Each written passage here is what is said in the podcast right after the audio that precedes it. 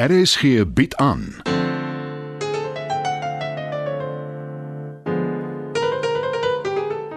Die Lingervelders deur Marie Snyman.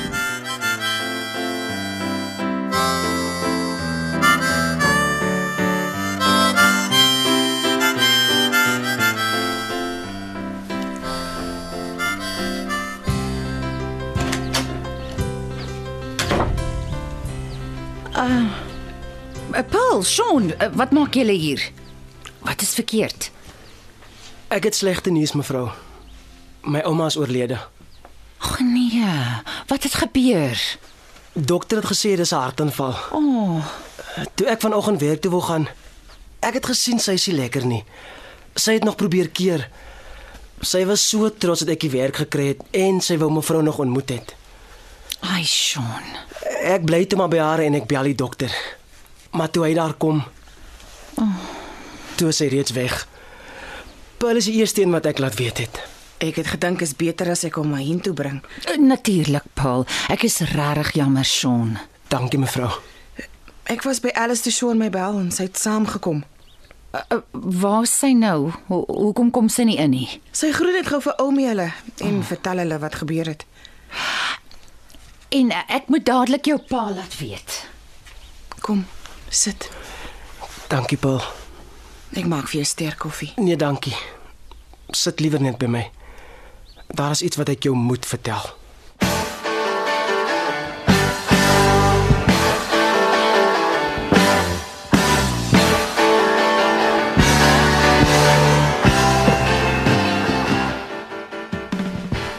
Aletta is nie nou hier nie. Ons kan haar bel en laat weet. Uh, kom ons wag maar totdat sy terugkom. Ek voel vreeslik aardig, Rolf. Ek en Paul het so waar oor Sean sit en praat toe hy laat weet van sy ouma. Ek wil nie bygelowig klink nie, maar dink jy nie ook dis vreemd nie? As ek eerlik moet wees, die lewe is vir my vreemd, Alice. Veral deesdae. Ek probeer nog gewoond raak daaraan dat ek hier bly. Is dit vir jou moeilik so saam met Aletta? Nee, wat haar is ek gewoond. Sy raak wel by die dag vreemder. Veral nou dat sy haar verbeel sy werk vir Chris. Verbeel. Dis sy manier om haar uit te help. Maar moet dit tog net nie vir haar sê nie. Sy het selfs 'n spiksplinter nuwe skootrekenaar gekry waarvan sy die kop of stert kan uitmaak nie. Ek's baie jaloers. Ek het nie gedink jy's iemand wat van 'n rekenaar sou nie. Want ek wil skryf. Ek loop al lank met 'n idee in my kop. Dit is nou musiek in my ore. Hoe so? Ek het ook 'n storie in my kop, maar ek soek 'n skrywer. Maak jou prys. Jy weet nie eers of ek kan nie. Ek ken jou, Rolf. Ek het volle vertroue in jou. Ek sal moet vuislaan met Aletta om haar rekenaar te gebruik. Ek kan ongelukkig nie vir jou een koop nie, maar ek kan mooi praat met Aletta. Dalk as ons beloof om vir haar 'n rol in te skryf. Hmm. In jou storie kan jy maak soos jy wil, maar myne, nee. Dis 'n one woman show. Oor jou. Ja. Moet asseblief nie sê ek is selfsugtig nie. Hoekom sou ek so iets doen? Klink baie interessant. Dis oor my reis deur die lewe. Van toe ek jonk en onervare was, wel, onnosel seker eintlik, tot nou. Waar ek elke dag met al twee hande aangryp. Carpe diem. Net so.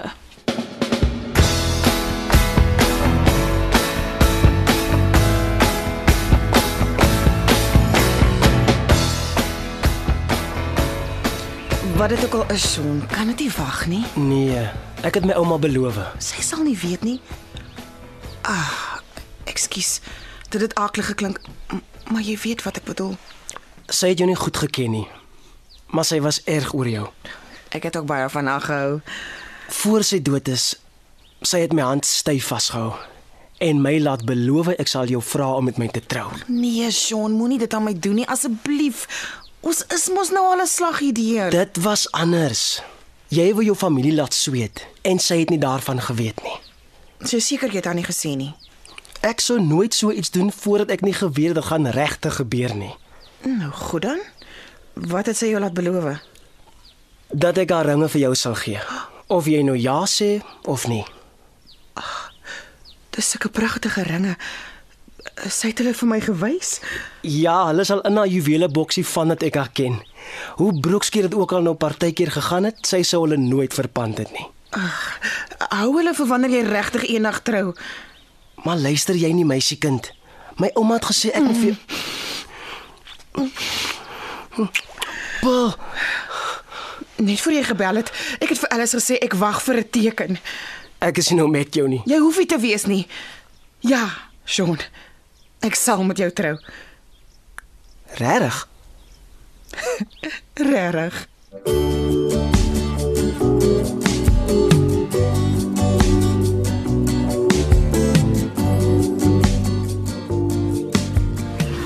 Ons moet seker gaan oë wys daar binne. Ja. As jy nie kan sien nie, ek sal alleen gaan. Nee nee nee, dis my plig. Rolf. Is jy reg? My ma is dood toe ek klein was. Jy ken seker daai gedig twee kleintjies met dik sny brood roep. Oomie, ons ma is dood. Uittemal. Ja. 'n Man staar eenkant op die grond met twee diep lyne om sy mond. Dis hoe dit eindig, dink ek. Ja, dit is. Wel dit was ek en my boetie en my pa. Ek sê jammer, Rolf. Ek het nie geweet nie. Baie jare gelede. Nou, sal ons gaan. Voor ons gaan. Dankie dat jy bereid is om my storie te skryf. Dit gaan uitstekend werk. Ek weet dit net.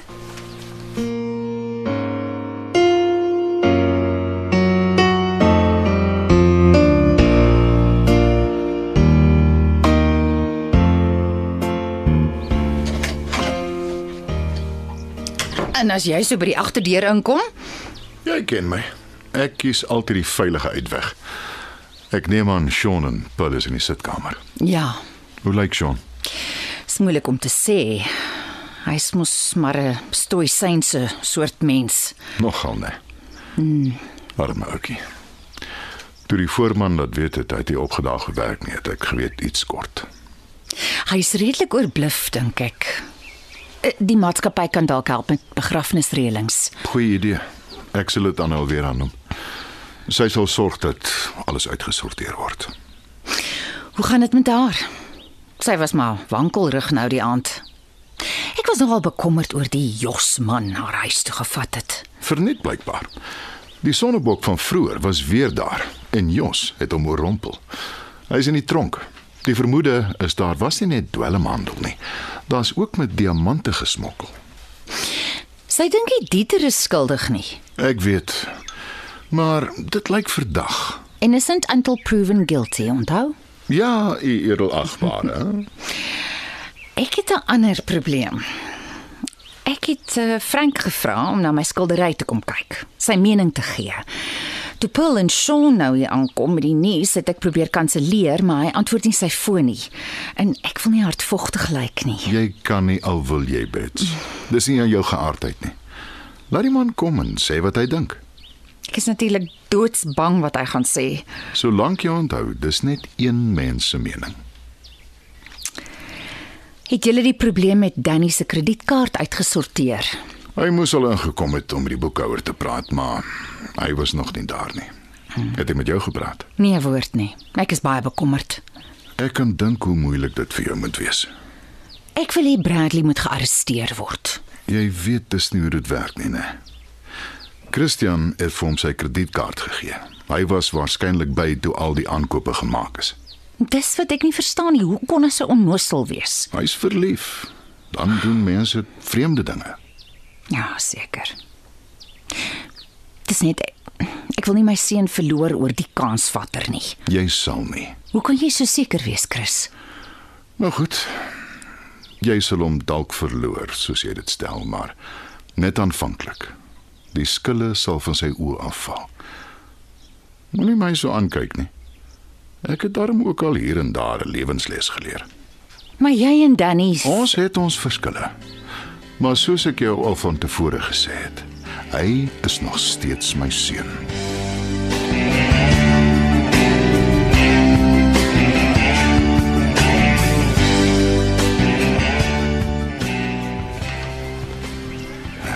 Jammer seun. Dankie Rolf.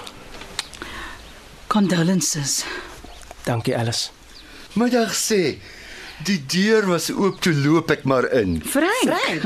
Dit lyk na 'n vername vergadering. Ek hoop nie ek onderbreek dit nie, maar ek het 'n afspraak met Pets. Jammer, uh, maar ek het probeer bel om dit uit te stel. Maar ek is nou hier. O, Ek sal nie te veel van jou tyd in beslag neem nie. Ja, natuurlik. Uh, jammer julle um, stap gerus deur, Frank. Ek sien net een skildery, 'n verskuil onder 'n laken. So ek neem aan dit is wel 'n skildery. Ja, Frank, um, ek het dit aan jou genoem toe ek met jou gepraat het oor die foon. Jammer, dit het my ontglip. Ek is nuuskierig, Bets. Wat het jou op die aspoestertjie pad gebring? Ekskuus, ek verstaan nie nou nie. Ja, spoestertjie by die bal. Sy het gewag tot 5 voor 12 en op die trappe verval haar aandklok en daar verander sy in 'n meisie met 'n verslete rok en haar koets word 'n pampoen. O, ek sien. Ek is as poestertjie wat te lank gewag het. Inderdaad. Wel. Haar glasskoen het op die trap agtergebly en die prins het bly soek totdat hy haar gekry het. Ook waar. Maar jy het lankal jou prins gekry nie waar nie en jy bly klaar in 'n paleis. Ek is jammer ek het jou tyd gemors, Frank. Eh, Sê asseblief wat ek jou skuld en dan vergeet ons daarvan. Ek sal mos nou nooit geld by jou vat vir 'n evaluasie nie. Eintlik wou ek net jou mening gehad het. Maar natuurlik. Haal af die laken.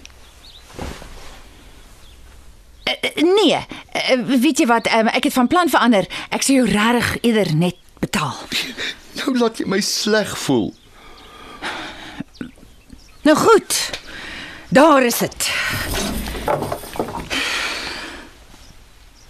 Ek wag vir jou kritiek. Ag, sê dit tog net dan kry ek klaar. Weet jy wat aan die gang is met Danny? Oh, wat het dit met my poging uit te waai? Hy was by my om die geld te kom kry van sy uitstalling, altwee sy uitstallings eintlik. Wat het gebeur? Ek weet die Lingervelders is nie bankrot nie, so hy moes iets verkeerd gedoen het. Wel, hy seker geregtig op sy geld. Jy het die meeste van sy skilderye verkoop en al sy fotos. Ja, maar dit is papierwerk. Ek moet eers al die geld in by die kopers. Dit kan geruime tyd vat. Uh, Vergeet van Danny asseblief en sê maar net wat jy dink. Daar is potensiaal. Maar Ek neem aan jy wil hê ek moet eerlik wees. huh, ek reken die brug is nou al oorgesteek. Ek kan nie regtig oordeel aan een skildery nie, Bets. Ek wil sê jy's op die regte pad. Tog wil ek jou ook nie onnodig opgewonde maak nie. Maar hou gerus aan probeer. Dit sal ek definitief doen.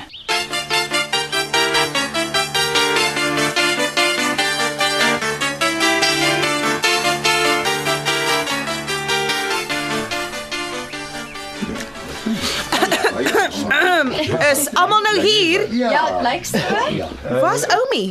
Sy is nog nie terug nie. Jammer. Oh, wel, ons kan nie langer wag nie. Sean, Baie dankie almal vir julle simpatie. Ek weet my ouma is pas dood. Maar wat ek nou gaan sê is iets wat haar baie gelukkig sou gemaak het. En is iets wat sy baie graag wou hê. Meneer, mevrou, ek vra amptelik ouers.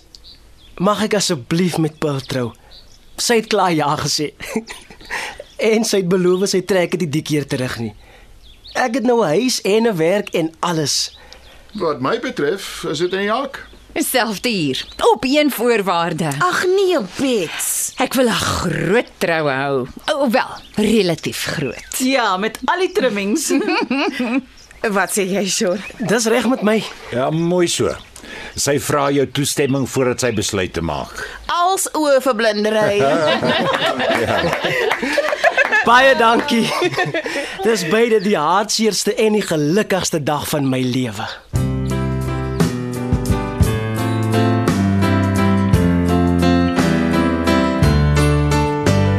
Dit was nog 'n episode van Die Lingervelders deur Marie Snyman.